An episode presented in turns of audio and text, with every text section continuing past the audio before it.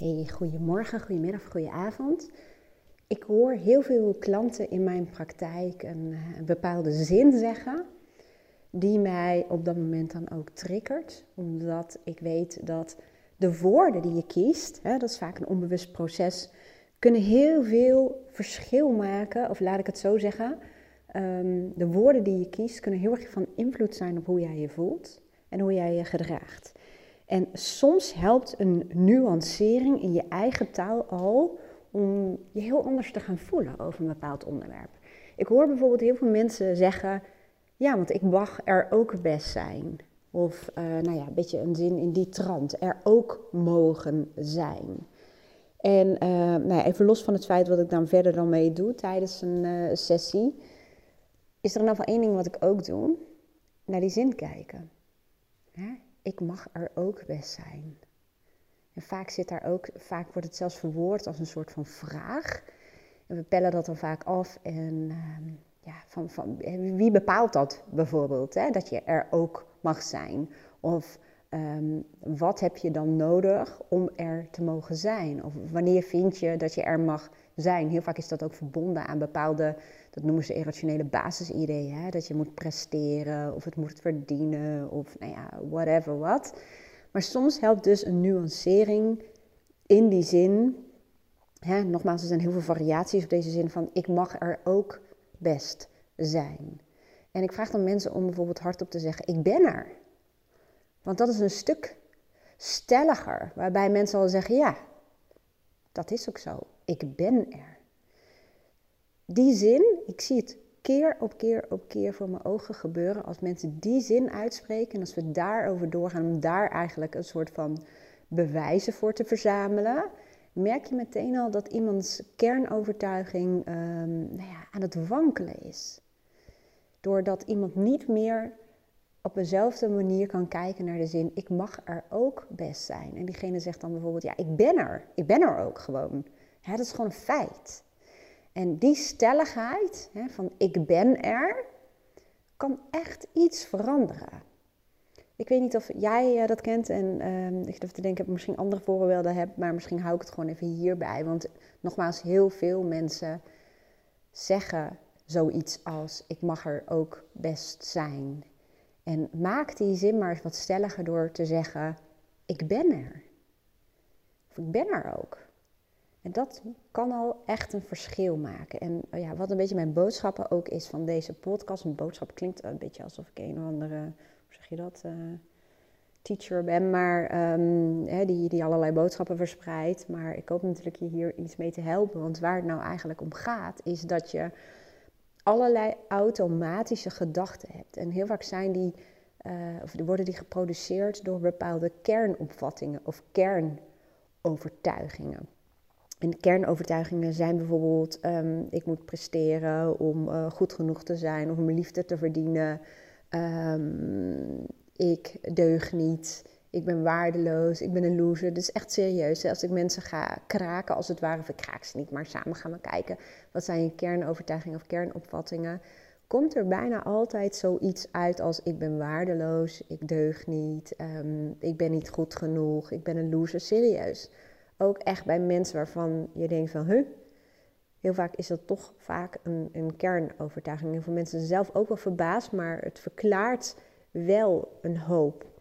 En die uh, kernovertuiging of kernopvatting, hoe je het ook wil noemen, vanuit, dat, ja, vanuit die overtuiging produceer je allerlei gedachten en uh, dat zorgt ook dat je op een bepaalde manier naar de wereld kijkt en dat je dus op basis van je overtuiging ook onbewust bewijzen verzamelt die die overtuiging ook als het ware staven.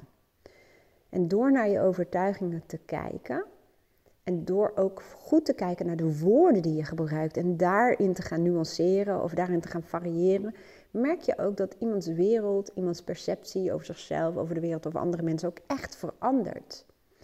En natuurlijk is het zo dat, um, dat je daarnaar bewijs van spreken uh, het is niet zo dat je dan die ene overtuiging loslaat of dat je die her, geherprogrammeerd hebt, want zo werkt dat vaak niet. Het is eigenlijk meer dat je er een nieuwe overtuiging naast gaat zetten, waarbij die nieuwe overtuiging in het, in het begin, hè, ik zei al, die oude overtuiging begint te wankelen. die heeft nog niet zo heel veel volume, om het zo te zeggen.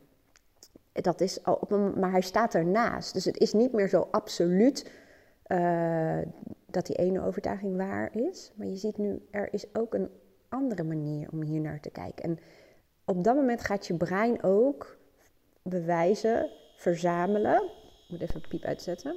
Daar ben ik weer. Op dat moment gaat ook je brein eh, bewijzen verzamelen of, of, anders kijken om die nieuwe overtuiging uh, nou ja, te toetsen als het ware. En dat kan heel erg helpen, omdat je dan erachter komt um, nou ja, dat het inderdaad wat anders zit dan dat je altijd hebt gedacht. En daardoor gaan dingen veranderen. Wat ook wel een leuke is, en dan eh, stop ik deze podcast. Ik stel mensen wel eens de vraag die bijvoorbeeld zeggen: Ik heb geen vertrouwen. Of, uh, of ik, eh, nou ja, ik maak me zorgen of wat dan ook. En dan stel ik wel eens de vraag: Wat zou je doen als je volledig in jezelf zou vertrouwen? Wat zou je doen als je volledig vertrouwen had in het leven? En soms kan deze zin, juist door daar ook samen gesprek over te voeren, uh, ja, hoe moet ik het zeggen? Inzichten geven of oplossingen naar, voren halen. En ik zie ook aan iemand vaak uh, een stukje opluchting. En heel vaak zie je ook de bereidheid dan om een aantal dingen te doen die je zou doen als je volledig vertrouwen had in jezelf of volledig vertrouwen had in het leven of vertrouwen had in, nou ja, in de wereld of andere mensen. Dus dat is een tweede door um, te kijken naar waar je mee, mee zit. Hè? Ik zit even te kijken bij mezelf. Uh, ik heb heel lang in mijn jeugd en toch ook wel in mijn twintige jaren last gehad van, een, ja, van angststoornissen, maar eigenlijk ook van obsessief-compulsieve stoornis. En dat betekent eigenlijk bijna, even heel plat gezegd, um, obsessief gedrag. En bij mij manifesteerde dat zich heel erg in heel erg de controle willen hebben. En heel erg opruimen en uh, nou ja, dingen twee keer doen, whatever. Dat is gewoon een manier om om te gaan met situaties die voor jou op dat moment onzeker lijken of waar je grip over wil hebben.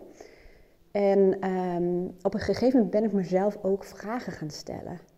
Wat als ik wel volledig vertrouwen zou hebben? Wat zou ik dan doen? En dat brak vaak bij mij al iets open en ik ging datgene dan ook doen. En ik merkte op een gegeven moment dat het gewoon ook goed ging. En dat het dus bij wijze van spreken ook goed ging zonder dingen te willen controleren met allerlei mechanismen, mechanismes. En daardoor heb ik eigenlijk een soort van andere nou ja, uh, waarheid ernaast gezet. En ben ik gaan zien um, nou ja, dat die ook waar is. En zo breek je eigenlijk iets open, iets wat jou weerhoudt om het leven te leiden wat jij wil leiden. Nou, ik hoop dat je hier eens aan had en ik hoop dat je me ook uh, nou ja, begrijpt dat het niet abstract was. En uh, ja, ik werk hier op allerlei manieren mee, bij wijze van spreken dus even teruggaan naar de kernopvatting of kernovertuiging. Um, in één op één coaching, ook in mijn online programma's. Mocht je interesse hebben, mijn website staat hieronder, dan kun je daar een beetje op rondkijken. En mocht deze podcast je inzichten hebben gegeven, dan zou ik het leuk vinden als je een reactie achterlaat of een um, beoordeling achterlaat. Dat kan voor deze betreffende podcast door een aantal sterren mee te geven die jij het waard vond. Of voor mijn podcastkanaal. Fijn als je dat wil doen. Ik wens je een hele fijne dag. Dankjewel voor het luisteren en tot de volgende podcast. Doei doei.